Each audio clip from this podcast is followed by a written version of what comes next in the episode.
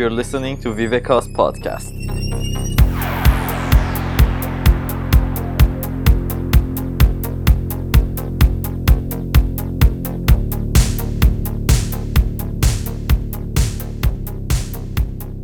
Katılan herkese, katılan herkese hoş geldin diyorum. Ben Viveka'nın kurucu ortağı Barış Okur. Ee, zaten birçoğunuzla muhtemelen tanıştık ee, ve bazı programlarda bir araya geldik.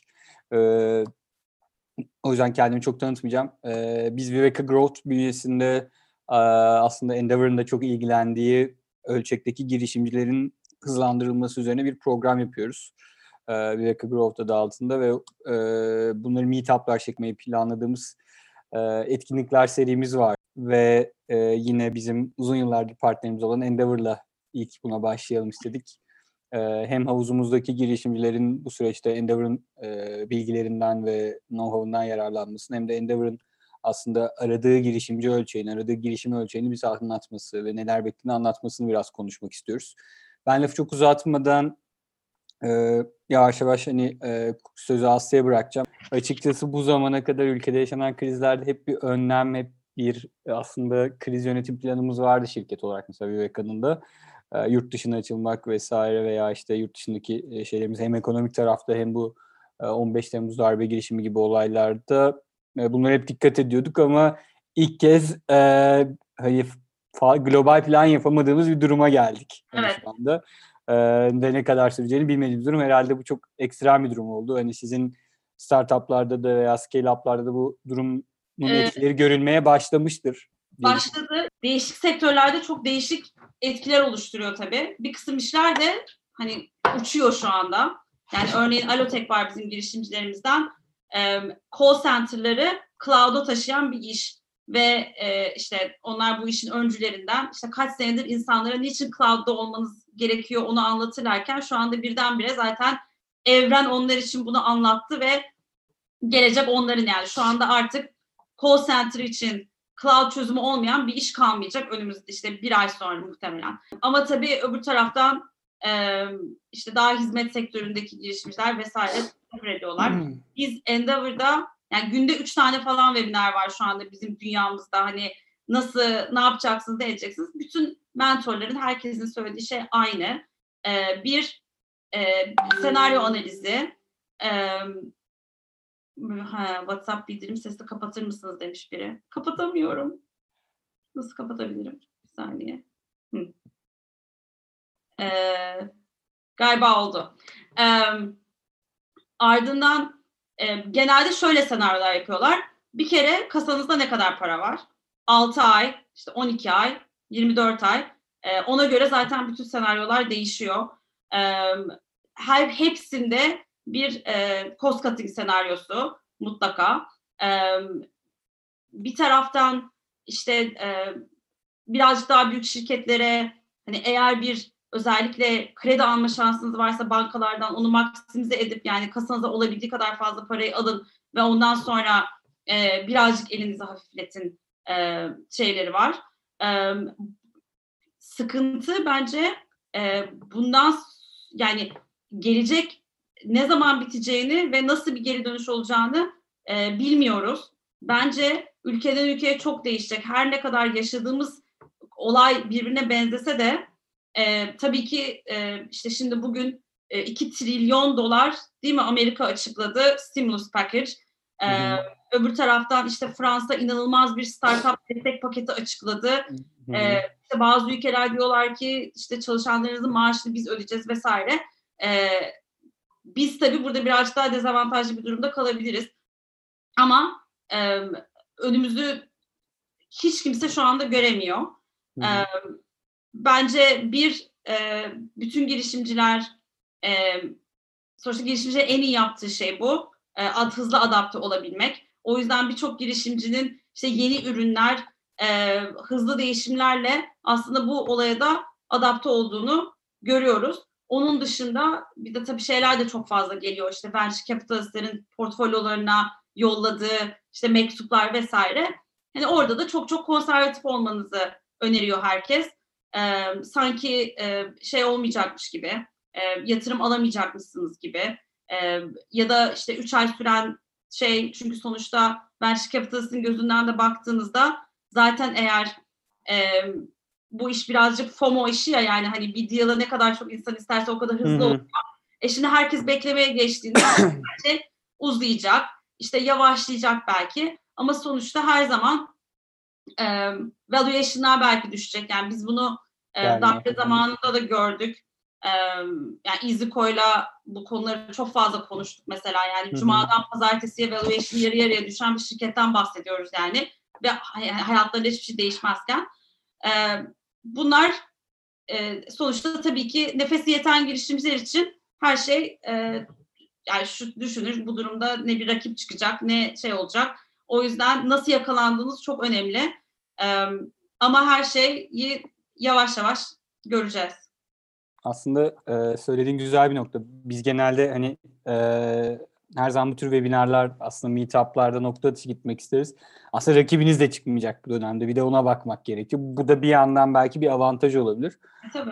Yani bizim startuplarda ve scale-up'larda gördüğümüz aslında kolay uyum sağlama, e, sürece hani adapte olabilme, süreçteki fırsatları yakalama e, burada kıymetli olacak. E, ve dediğin gibi aslında biraz büyümelerimiz yavaşlayacak ama hep düşüşün bir çıkışı olacağı için hani e, belki o güne hazırlanmak gerekiyor. E, Evet.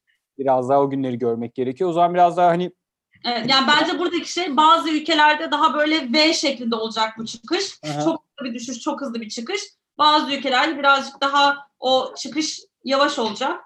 Ee, Hı onu göreceğiz yani. Ee, zaten bu iş iki ay sonra mı bitecek, 18 ay sonra mı bitecek onu da çok kestirebilmiş değiliz. değiliz. Ama e, yani bundan bağımsız olarak e, biz aynı zamanda e, yani e, toplam 50 tane girişimciyle bir scale up programı yaptık bu sene. Önümüzdeki dönemde de devam edecek. Oradaki gi- girişimcilerin bu arada hemen bir parantez açsak e, şeyi neydi? Özellikleri neydi? Ne bekliyordunuz? Kimleri onlar- kabul ettiniz? Bir senedir faaliyette olan e, müşterisi olan e, yani cirosu ya da hani e, free bir şeyse de bir traction'ı olan e, ilk e, birkaç elemanını e, işe almış e, girişimciler yani aslında scale up'ın da ilk aşamaları yani Hı hı. biz şöyle bakıyoruz Endeavor girişimcisi olmaya henüz hazır olmayan ama e, gelecek vadeden girişimciler E, ve biz onların o programın e, içeriklerinden bir tanesi de e, girişimciler küçük gruplar halinde peer-to-peer paylaşım yapıyorlar. Her toplantıda işte üç tane girişimci bir challenge'ını anlatıyor ve e, grup halinde çözmeye çalışıyorlar. Biz şimdi bu challenge'ları çıkardık. Yani işte e, 50 şirket e, bir senedir hangi challenge'ları vermişler diye.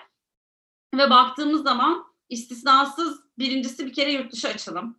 Herkes şeye karar vermeye çalışıyor. Yani bu girişimcilerin oldukları stage'de de ya hani yeni yeni yurt dışına açılmaya başlamışlar ya da açılmak üzereler gibi düşün. Ee, işte hangi e, ülkeye açılmalıyım? Bunu nasıl karar vereceğim? Ee, hangi e, formatla açılmam lazım? Yani gidip orada e, insan mı işe almam lazım? Buradan doğru mu yapacağım? Partnerler üzerinden mi yapacağım? Ee, gibi herkesin derdi ve figürat etmeye çalıştığı konu bir kere bu yurt dışı açılım konusunda. Ee, öbür taraftan e, bizim gördüğümüz e, girişimlerde fiyatlandırma çok önemli bir konu oluyor. Çünkü genelde insanlar ilk başta ucuz piyasaya çıkıp ondan sonra o fiyatı e, arttırmaya çalışıyorlar. Bunu e, başarabilen çok iyi şirketlerden bir tanesi de Kolay İK bu arada. E, onlarla da bu fiyatlandırma konusunu konuşacaksak bir gün konuşabiliriz. Çok iyi Ee, bu arada ben hemen not alayım. Hı hı. Ve e, bizim en sevdiğimiz mentorlarımızdan bir tanesi Alp Sauer'dır Pronet'in kurucusu. Ee, ve yani satış ve fiyatlandırma konusunda bir guru kendisi. Ve hep şunu söyler.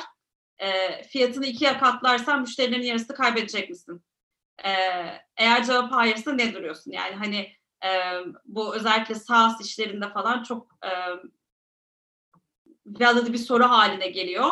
E, ve böyle o e, fiyat arttırmakla ilgili e, endişeden ve korkudan e, ilerleyemeyen bazı girişimciler yaptıkları zaman ya ben bunu niye daha önce yapmamışım diyorlar. Çünkü gerçekten verdikleri değerle e, charge ettikleri fiyat çoğu zaman uymuyor. Yani bu hem e, SaaS'larda geçerli hem enterprise startuplarda geçerli. E, consumer tarafında o kadar değil belki çünkü orada bence şey birazcık daha e, fiyat üzerinden e, rekabet belki daha az ama e, teknoloji satan girişimlerde bence e, piyasaya ucuz çıkmak gibi bir e, tandanslı var girişimcilerin. Ve ondan sonra tabii bunu yükseltmek çok zor oluyor. Hı hı, E, bir de her zaman gelen konu e, kültür ve yetenek. Kültürle alakalı mesela şeyi çok söylüyorlar. E, işte benim kadar sahiplenmiyor insanlar. İşte ben uyumuyorum onlar niye uyuyor? Ee, işte e, çok fazla tabii yani hepimiz e, yani biz Endeavor'da da yaşadık bunu. E, beyin göçünden çok muzdaribiz özellikle teknoloji sektöründe. E, en hani çok fazla yatırım yaptığınız en iyi insanlarınızı e, kaybetmekten bence Türkiye startupları da şey konusunda inanılmaz bir kas geliştirdiler yani. Sürekli baştan baştan baştan ekip kurmak. Devamlı e, yeni insanı çok hızlı bir şekilde onboard etmek. E, bu e, bir de hani büyürken işte kültürle alakalı bazı şeyleri nasıl oturtacağım e, gibi konular bizde en fazla e, ortaya çıkan şeyler. Süper. Ee, fiyatlandırma aslında bizim çok e, dikkat etmelerini önerdiğimiz konulardan biri geçmiyor. Onu değindiğini çok sevin, e, sevindim. Ee, hani onu da toparlamak gerekirse şey bence bugünün çıkacak e, iyi derslerinden biri olacak yani. Yani- iki katına çıkardığında gerçekten müşterinin yarısını kaybedecek misin? Kaybetmeyeceksen o zaman çıkar. Ee, ve girişimcilerimizde bizim gördüğümüz ya rakibim bu fiyata yapıyor ben ondan daha ucuza yapacağım diyorlar ama rakibinin zaten bir de bir tam, tam tersi var. Rakibinin de ucuza yapma potansiyeli olmadığını nereden biliyorsun? Aynen. Ya bir kere zaten fiyat bir e, competitive advantage zaman değil yani hani baktığınız zaman. E, çünkü aynen o rakip de çat diye fiyat düşürebilir. E, düşürememesinin hani eğer o ucuz fiyatı sağlayan başka bir competitive advantage yoksa yani kimsenin e, erişemediği bir e, işte ucuz ham madde ya da yeni bir e, proses e, ya da herhangi bir şey. E, çünkü zaman zaman tabii Türkiye'den çıkan startupların mesela yeteneğin burada daha ucuz olmasıyla alakalı olarak bir avantajı var. Bunu hem fiyata yansıtabiliyorlar hem karlılıklarına yansıtabiliyorlar. E, ama bu gerçek bir competitive advantage. Öbür tarafta hani aynı e, marjla iş yapıp daha ucuz fiyata satmak zaten sürdürülebilir bir şey değil. Değil, değil. Aynen öyle. Hep de bunu söylüyoruz. İyi bir rekabet stratejisi olmuyor. Ee, aslında hani ben normalde bir soru şeyimiz vardı ama konuyla ilgili de birkaç e, soru geldiği için hemen buradan da sorayım istedim. Sen senin sunumundan sonra Cavit Bey sormuş. Ee, o da Sektör. sağ olsun. Evet. Sektör sınırımız yok. E, Sektör biz her sektöre bakıyoruz. E, önemli olan e, bu sektörde ayrıştığı ve büyüme potansiyeli o işin. Yani bizim Proasys diye bir girişimci şirketimiz var. Öner Bey e, yaptıkları iş e, çok şubeli e, organizasyon işte banka, perakende şirketleri vesaire gidip bu şirketlerin bütün e, teknik servisini halletmek. Bu çok büyük bir dertmiş. Mesela siz bir bankasınız, işte 5000 tane şubeniz var. Her şubede işte bir tane klima var, ampuller var, efendim e, işte orada termosifon var vesaire. Onların maintenance'ı ve teknik servisi mesela çok büyük bir dert. ProAssist geliyor, bunun hepsini e, yani bayağı bir servis işi sonuçta. Fakat içine bir teknoloji komponenti koyuyor. Bir e, dashboardda bankada operasyonun başında olan insan tek şeyde işte bugün e, ne oldu, e, hangi bankada ne arıza oldu, işte ben buna ne kadar para ödedim vesaire. Ve bu mesela meğer çok ihtiyaç olunan bir işmiş. E, yüzlerce insan çalışıyor. E, bu da bir Endeavor girişimcisi. Hiç aklınıza gelmez ama kendi sektöründe fark yaratan bir iş. Ee, onun dışında bakıyorum zaten şeyi konuştuk hani e, bu dönemde girişimcilere tavsiyeleriniz neler olacaktır kısmı var ama aslında az çok onu konuştuk. Hani olabildiğince maliyetleri, sabit maliyetleri düşürmek ve belki büyüme planlarını biraz yavaşlatmak, bunu fırsata çevirecek bir iş yapmıyorsunuz krizi.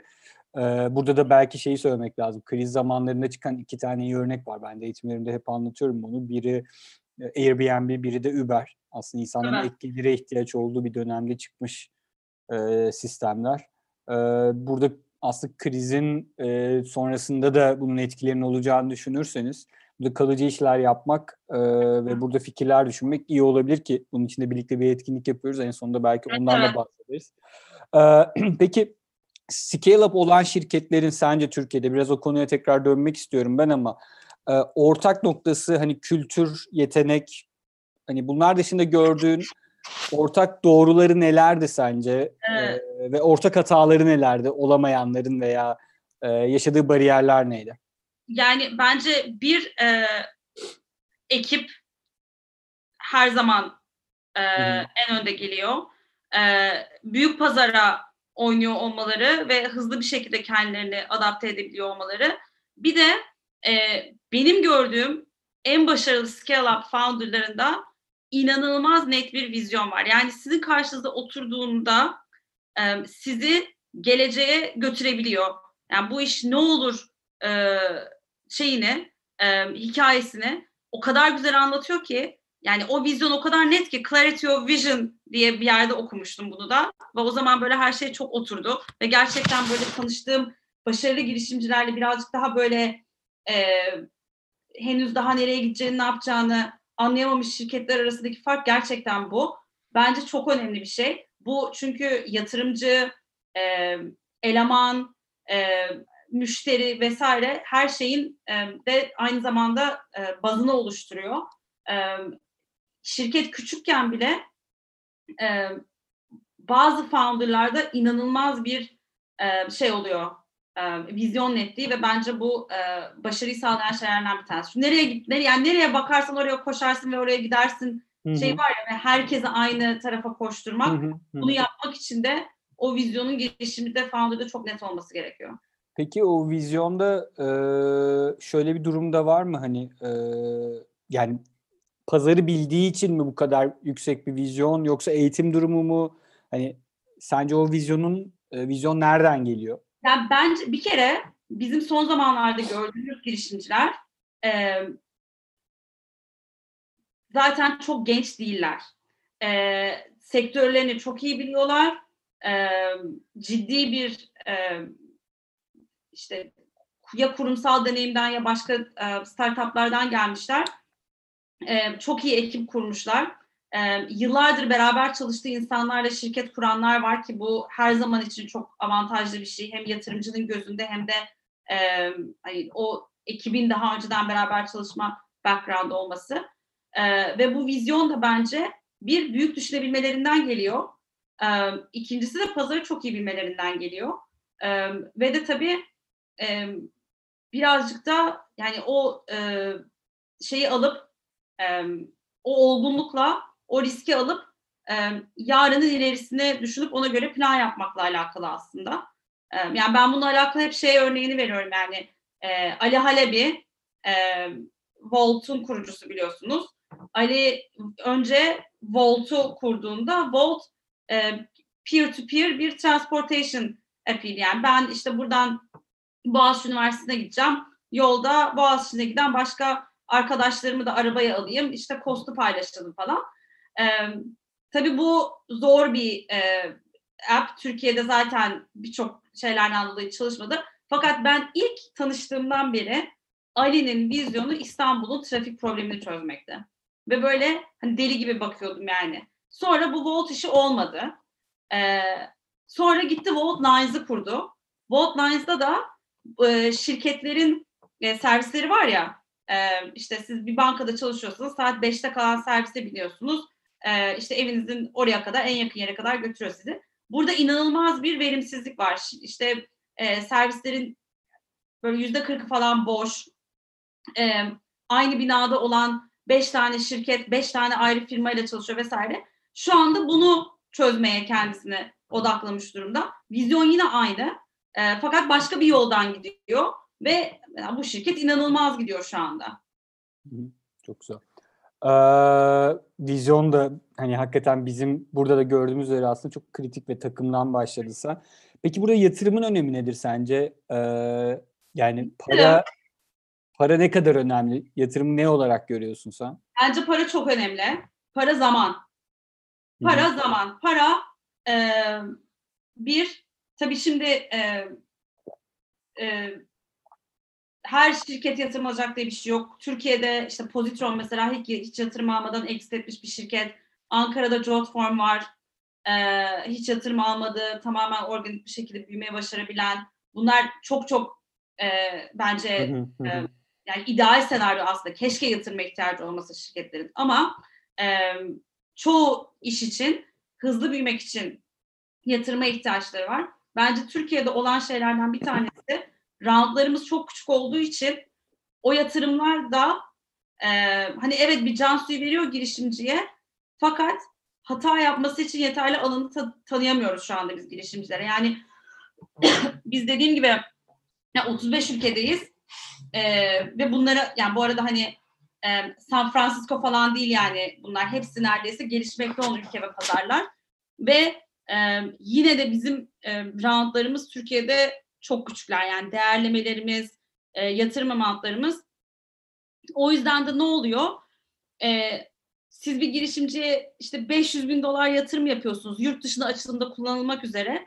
O 500 bin dolarla o şirket bir pazarı deneyebiliyor mesela. Halbuki o şirketin e, yabancı rakibi 5 milyon dolar aldığı için 5 pazarı aynı anda deneyebiliyor. Yani hata yapma şansını girişimcilere vermenin yollarından bir tanesi de birazcık daha fazla yatırım yapmak bence. Hı hı. Türkiye'de ciddi gaplerimiz var yatırımla alakalı. Yani e, işte o e, Series A üstü hani işte 3-5 milyon dolar alanında yatırım almak e, oldukça zor. E, onun da devamı zaten daha zor. E, Seed'de hani melek yatırımda bence iyi ekipler evet bir şekilde yatırım buluyorlar. Ama bence e, alması gereken ama alamayan ya da çok uzun sürdüğü için nefesi yetmeyen şirketler de az değil. o yüzden e, hani bu gapleri yavaş yavaş kapatmamız lazım. Şimdi bu dönem bittikten sonra e, bir sürü aslında yeni fon var şu anda Türkiye'de. Yani ciddi fon açısından e, parayla giriyoruz biz bu döneme yani düşünürseniz. Çoğu fon yeni fonunu kapattı gibi. Umarım onlar yatırım yapmaya devam ederler ki bizim girişimcilerimiz de rakiplerine karşı çünkü global rekabeti düşünürsen senin 500 bin doların rakibinin 5 milyon doları varsa çok ciddi bir dezavantajlısın. Her ne kadar evet bizim girişimcilerimiz e, profitability konusunda çok iyiler, yeteneğimiz birazcık daha ucuz vesaire. O yüzden e, bunu çözmemiz gereken şeylerden bir tanesi diye düşünüyorum. Ee, aslında o zaman buradan hani şeyde sorumuz var. Globale açma, globale açılmak için ne yapmaları lazım, neye ulaşmaları lazım, neye dikkat etmeleri lazım ee, diye sorumuz aslında ilk şey para gibi gözüküyor şu anda. Yani bir para, Bir ikincisi para, iki. Mesela ben şimdi bu e, Türkiye'den çok ciddi beyin göçü oldu. Bunu bizim ileride bir avantaja dönüştürebileceğimizi düşünüyorum. Çünkü şu anda her founder'ın işte Avrupa'nın çeşitli ülkelerinde, Amerika'da, işte Dubai'de vesaire yaşayan minimum bir üniversite arkadaşı var yani. Hani bunlar bu e, organik bağlar çok önemli. Şimdi biz Türkiye'de senelerdir yani biz küçükken bize ne öğretildi? İşte dünyada kendi kendine yeten 7 ülkeden bir tanesi. Ben e, Amerika'ya gittim üniversite okumaya. E, ben döndüğümde benim beraber gittiğim herkes neredeyse dönmüştü yani. Çok az insan kalmıştı orada. Çünkü sonuçta burası hani o zamanlar ekonomi çok iyi gidiyordu. E, yaşamak için güzel bir yer vesaire vesaire. Hı hı. Biz alışık değiliz böyle bir harekete. Yani bizim Endeavor dünya mesela Lübnan var. Bütün dünyada Lübnanlı insanlar var. İşte Ürdün diyorsunuz her yerde bir e, Arap e, şeyi var. E, mafyası var. Türkiye'ye baktığınız zaman hala daha diasporamız çok az. Şimdi bunu bir avantaja çevirip o insanlar bizim girişimcilerimizin e, yurt dışındaki çalışanları olabilir. E, oradaki işte market şeyleri olabilir. Yani o, o organik bağ ben çok önemsiyorum. E, Güzel nokta. paranın tabii ki önemli olduğunu düşünüyorum. Cesaret. Yani biz kimle konuştuysak herkes diyor ki ya daha önce yapsaymışım şu yurt dışı açılımı. Niye bu kadar beklemişim? Yani Hı. böyle e, çünkü bizde bir şey var. Bence bir e, çekingenlik var onunla alakalı. o kaslarımızı da geliştiriyoruz şu anda yavaş yavaş. Daha önceden bunu yapan çok fazla girişimci yok. Mesela işte Opsini'den Berkay. E, Şimdi Ankaralı belki daha çok vardır sizin şeyiniz diye. Evet. E, Pikus'taki e, Alper Volkan. E, onlar böyle Jotform'dan Aytekin. E, yani bayağı cephede e, uzun süreler savaş vermiş, yurt dışı açılımlarını başarıyla tamamlamış. İşte Pikus halen daha çok hızlı büyüyor.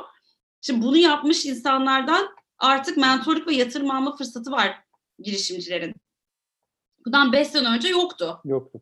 O yüzden e, ben e, bir de tabii e, çok fazla şey yapmamak lazım. Yani e, karar verip e, harekete geçmek gerekiyor. Birazcık da kervanı yolda düzmek gerekiyor. Bununla alakalı yine Koray Foriba çok güzel anlatıyor. Yani müşteri arıyor.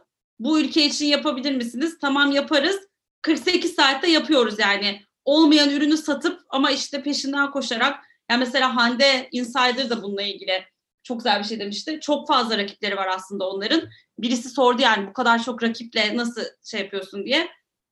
Dedi ki çünkü biz e, hayatımız buna bağlıymış gibi çalışıyoruz dedi. Yani hani oradaki büyük rakipler için bir tane ürünken bu bizim entire hayatımız dedi yani ve öyle çalıştığımız için de işte başarılı oluyoruz dedi. Burada aslında hani söylediğinden hareketle şey güzel bir örnek. Yani cesaret. Cesareti genelde çok tedirgin oluyoruz. Çok fazla nakit yakacağımız için vesaire ama yurt dışına açılmak ve e, oradaki pazarlara erişmek için bağlantı bulmak çok kıymetli ve o bağlantı da aslında dediğin gibi bence buradan benim yine çıkardığım ve bunda muhtemelen e, girişimlerimle sonrası da paylaşacağım. Yurt dışında bir kurucu ortak bulmak ekibe e, çok çok büyük avantaj sağlıyor. Dediğim gibi Obstini'de bunu çok rahat şu anda Aynen. görüyoruz yani yurt dışında yaşadıkları Amerika'da işi kurup yürüttükleri için çok başarılı oldular. Ee, bence kıymetli noktalardan biri bu olacak. Ee, peki son hani noktalara doğru gelirken bu arada sorular da var. Onlara da tekrar döneceğiz. Ee, peki biz bir etkinlik yapacağız sizinle. Evet. Ee, yarının dünyasında startuplar neler olacak? Aslında bunu konuşuyoruz. Yani bir pandemi krizinde bu krize yönelik bir sprintimiz olacak haftaya. Öbür haftada yarının dünyası da startuplar ne olacak? Çünkü uzaktan eğitimle ilgili şikayetler var vesaire. Sen buradaki potansiyelini görüyorsun. Endeavor'ın burada e, globalde yaptığı araştırmalar var mı? Ve kişisel olarak yarının dünyasında sence neler öne çıkacak? Yani ee, bence bir e, geleneksel sektörlerden e, teknolojiyle e, değişenler, mesela bizim gördüğümüz e, mesela lojistikte acayip e, iş var şu anda. Bu işte e, boş giden trakların işte boş yerlerinin doldurulması, o e, birkaç tane böyle e, her yerden şey çıkıyor. E, lojistik işi çıkıyor. E, şey tarafında fintech her ne kadar Amerika'da şeyini birazcık kaybetmiş olsa da e, seksiliğini e, biz tabii Latin Amerika'da çok kuvvetliyiz. Latin Amerika'dan halen daha inanılmaz fintech işleri çıkıyor. Ve işte e, sigorta falan gibi biraz daha geriden gelen şirketler de şimdi bu işe e, adapte olmaya başladılar. Her zaman için e, sonuçta mesela daha Türkiye'de olmayan ama yeni regülasyonla beraber öne açılan bir fintech dünyası da var aslında. E, şimdi bu şeyin e, mesela educational tech, edtech her zaman bizim radarımızda olan bir şeydi. Ee, yine yurt dışında çok başarılı edtech şirketleri var. Türkiye'den baktığımız birkaç tanesi çok fazla büyümemişti henüz ama bence bu şeyle beraber çok hızlı büyüyecekler. Ee, mesela işte bizim e, pipeline yani çok iyi şirketler var bence. Önemli olan bir şekilde e, yani tüketici davranışının e, overnight değişti yani şu anda. Bu e, ne kadar sticky olacağını bilmiyoruz ama e, bence birçok e, şeyin startup'ın önünü açacak. Öbür tarafta tabii bir de bu işin deep tech tarafı var. Yani işte sağlık teknolojileri. yani sağlık bir tarafta e, bu işte datanın ve hani o processing power'ın ve şeyin girdiği e, her yer her şeyi dönüştürüyor. E, yani işte UiPath falan gibi girişimleri düşünün. E, işte business process automation. E, bunlar çok e, önemli gibi duruyor. E, bence böyle. Evet, e, bu, bu arada mesela... Zaten şey gibi mesela Cloud Kitchen. Şu anda herkes Cloud Kitchen'dan bahsediyor. E, şimdi daha da çünkü şu anda bir sürü restoran e, overnight Cloud Kitchen verdiler. Delivery only'e döndüler mesela. E, bu da yani ben e, işte bir ay önce falan bir haftada beş tane Cloud Kitchen işi dinledim İstanbul'da. Ee, ki İstanbul buna çok e, elverişli bir yer. Dünyada bunu yapan işte Kitopi vesaire gibi yer, böyle inanılmaz büyük şirketler var. Ee, onun, bunda yani her sektör bir adım daha e, şey yapıyor. İşte hani Airbnb vardı. Şimdi e, işte Airbnb'nin üzerine işte Blue Ground gibi işler geldi. Bunun üzerine başka şeyler geliyor e, gibi.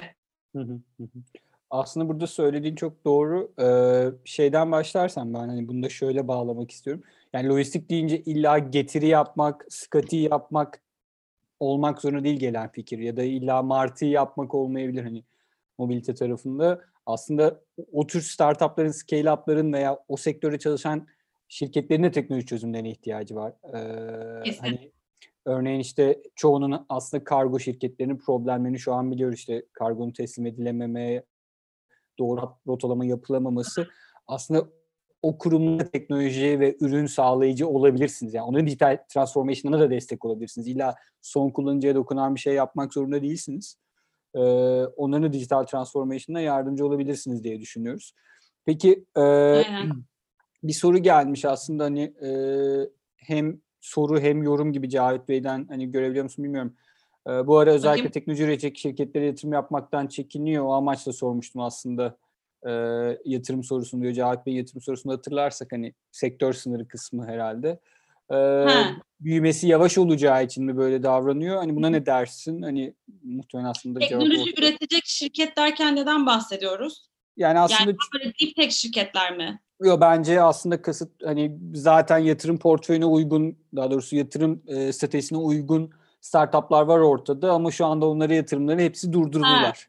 Ha. Yani bence bir şimdi VC'ler de şunun endişesini yaşıyor. Ee, ben para çağırdığımda bana para koyan LP'ler yani VC'ye para koyan insanlara LP diyoruz.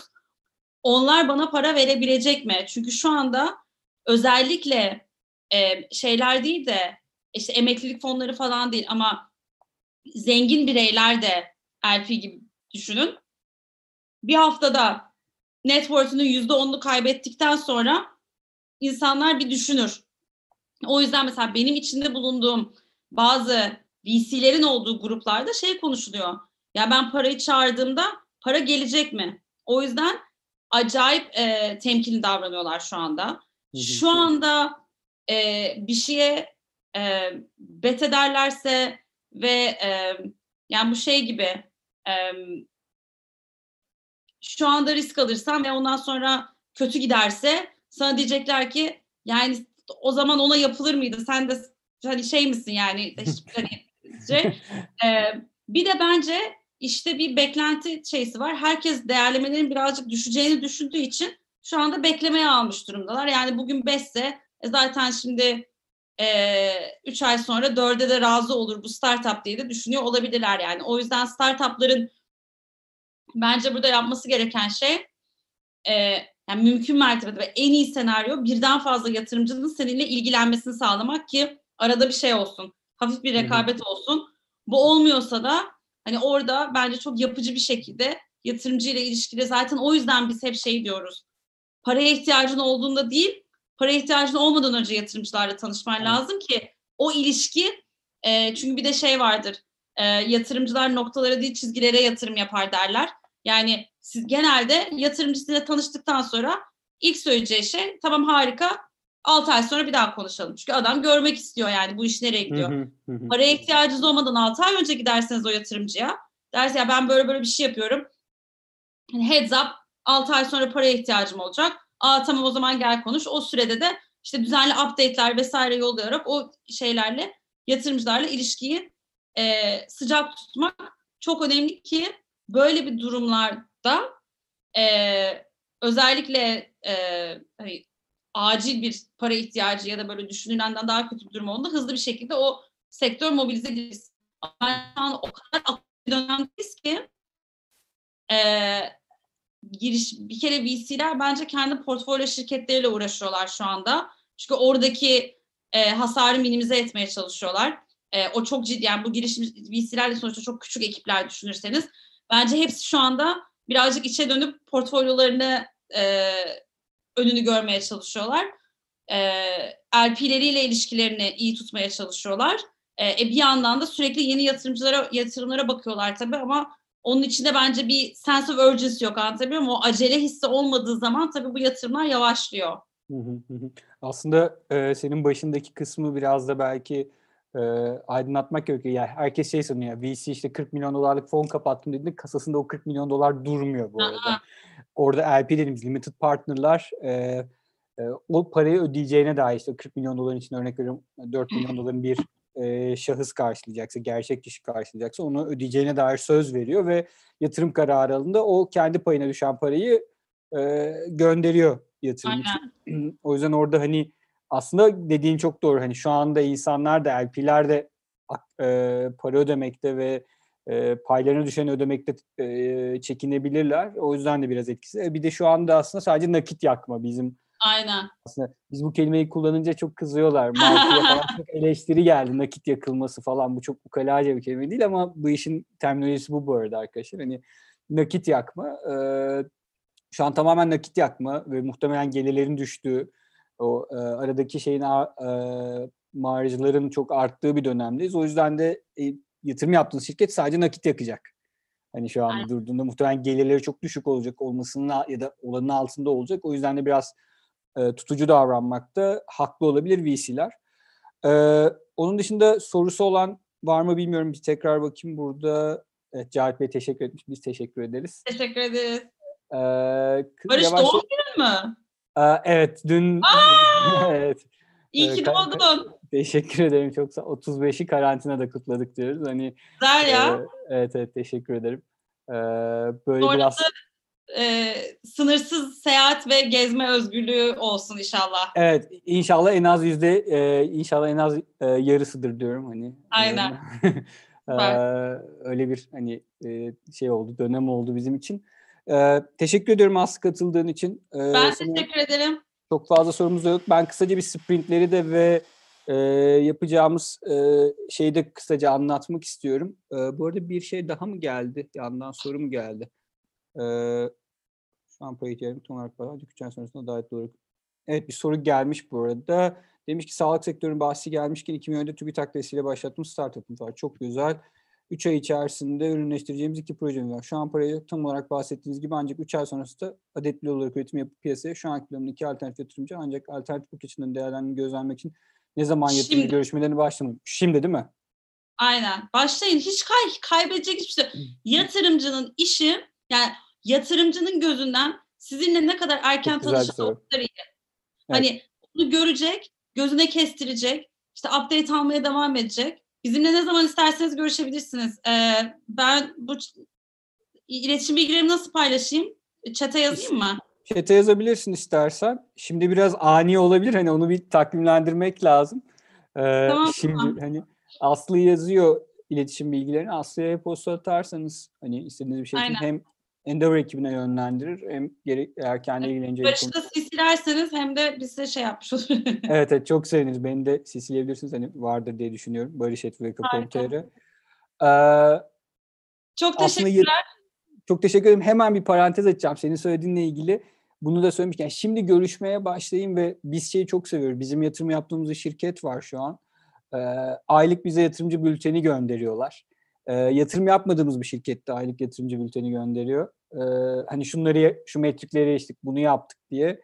Aslında görüşüp aylık olarak ya da iki aylık olarak ne tamamladığınızı haberdar etmek aslında söylediği gibi Evet. ee, çok kıymetli olacaktır. Ben Hani mesela sizi de- yatırımcılar, e, çoğu yani e, kendisi yatırım mesela yapmıyor, e, yapamıyor, e, uygun değil, sizi başkalarıyla tanıştırıyor. Yani onlarda inanılmaz bir network var bu arada. O yüzden onlar da e, ve genelde e, işleri de bu network mobilize etmek olduğu için sevdikleri e, ve inandıkları her işe de yatırmayabiliyorlar. Ona rağmen yardım ettikleri de çok fazla oluyor. Evet evet. Çok güzel bir örnek. Yani şeyi mesela gönderiyor bize yatırımcı bülteninde girişimci. Hani şuna ihtiyacımız var. Tanıdığınız kişi kurum var mı? Hani siz yardımcı olamıyorsanız bile. Aslında bu bile aslında dediği gibi çok kıymetli olur. Tekrar çok teşekkür ediyorum Aslı sana. Ben kısaca de bir s- Teşekkür ediyorum. E, zaten arkadaşlarla da bize e-posta yoluyla da paylaşırız. Haftaya e, cuma cumartesi ve öbür hafta yine cuma cumartesi sprint etkinliklerimiz olacak arkadaşlar. Sprint nedir? Aslında normalde 5 günlük bir metodoloji ama biz bunu 2 güne sığdırılmış daha basit bir haliyle yapacağız. Problem odak sahalarını toplayacağız şu anda. E, bu problem e, odak alanlarına ve problem sahalarına, ihtiyaç alanlarına yönelik olarak da e, çözümler üretmeye çalışacağız. E, hackathonlardan biraz farklı olarak, hackathon yaklaşımından farklı olarak benim bir fikrim var gelin burada yapayım değil, benim bir teknoloji çözümüm olabilir, bir teknoloji çözümü üzerinde çalışıyor olabilirsiniz veya çalışmayı düşünüyor olabilirsiniz. E, biz problem sahası yani az önce konuştuğum gibi örneğin lojistikte bir problem olabilir. Ya da bu örnek veriyorum işte Getir'in şu anda yaşadığı e, bir problem olabilir ki şu an hani herkesin kullandığı bir ürün bir servis. Onun yaşadığı bir problemi bu tür problem sahalarını tamamlayacağız. Aslında tanımlayacağız ve onlara yönelik çözüm üretmenizi isteyeceğiz. Bunları da partner kurumlarımızdan alacağız. İşte örnek veriyorum medya tarafında Teyit.org bize problem sahasını tanımladı ve hani orada medyanın şu andaki konumuyla ilgili tartışacağız ve ürün ürünler servisi üretmeye çalışacağız. O yüzden aslında müşteriniz hazır veya hani müşteri bulabileceğiniz işler olacak e, potansiyel olarak ve bu kurumlardan da mentorlar katılacak. E, birkaç gıda şirketiyle görüşüyoruz. Telko şirketleri var, sağlık şirketleri var. 8 dikeyde yapacağız bunu. E, hani ilki pandemik üzerine bu tür kriz anlarında e, ne gibi çözümler var, ne gibi hızlı e, kriz yönetimi yapılabilir dair. İkincisi de aslında belki e, Endeavor için daha da yüksek potansiyeli olacak. Yarının dünyasındaki scale-up'lar neler olacak sorusunu soracağız. Ee, bu iki etkinliğe de katılımınız bizler için değer, değerli olur. Hem Endeavor ekibi hem biz olacağız. Ee, hem de dediğimiz gibi işte Teyit, e, Kök Project gibi ekiplerden mentorlarımız olacak. O yüzden de hepinizin katılımını bekliyoruz. Süper. Çok sağ ol. Ben teşekkür ederim Sağlıklı tekrardan. kalın. Evet, herkes kendine dikkat etsin. Evde kalın ve sağlıklı kalın. Aynen. Görüşmek üzere. Görüşmek üzere. Hoşçakalın. Bye bye.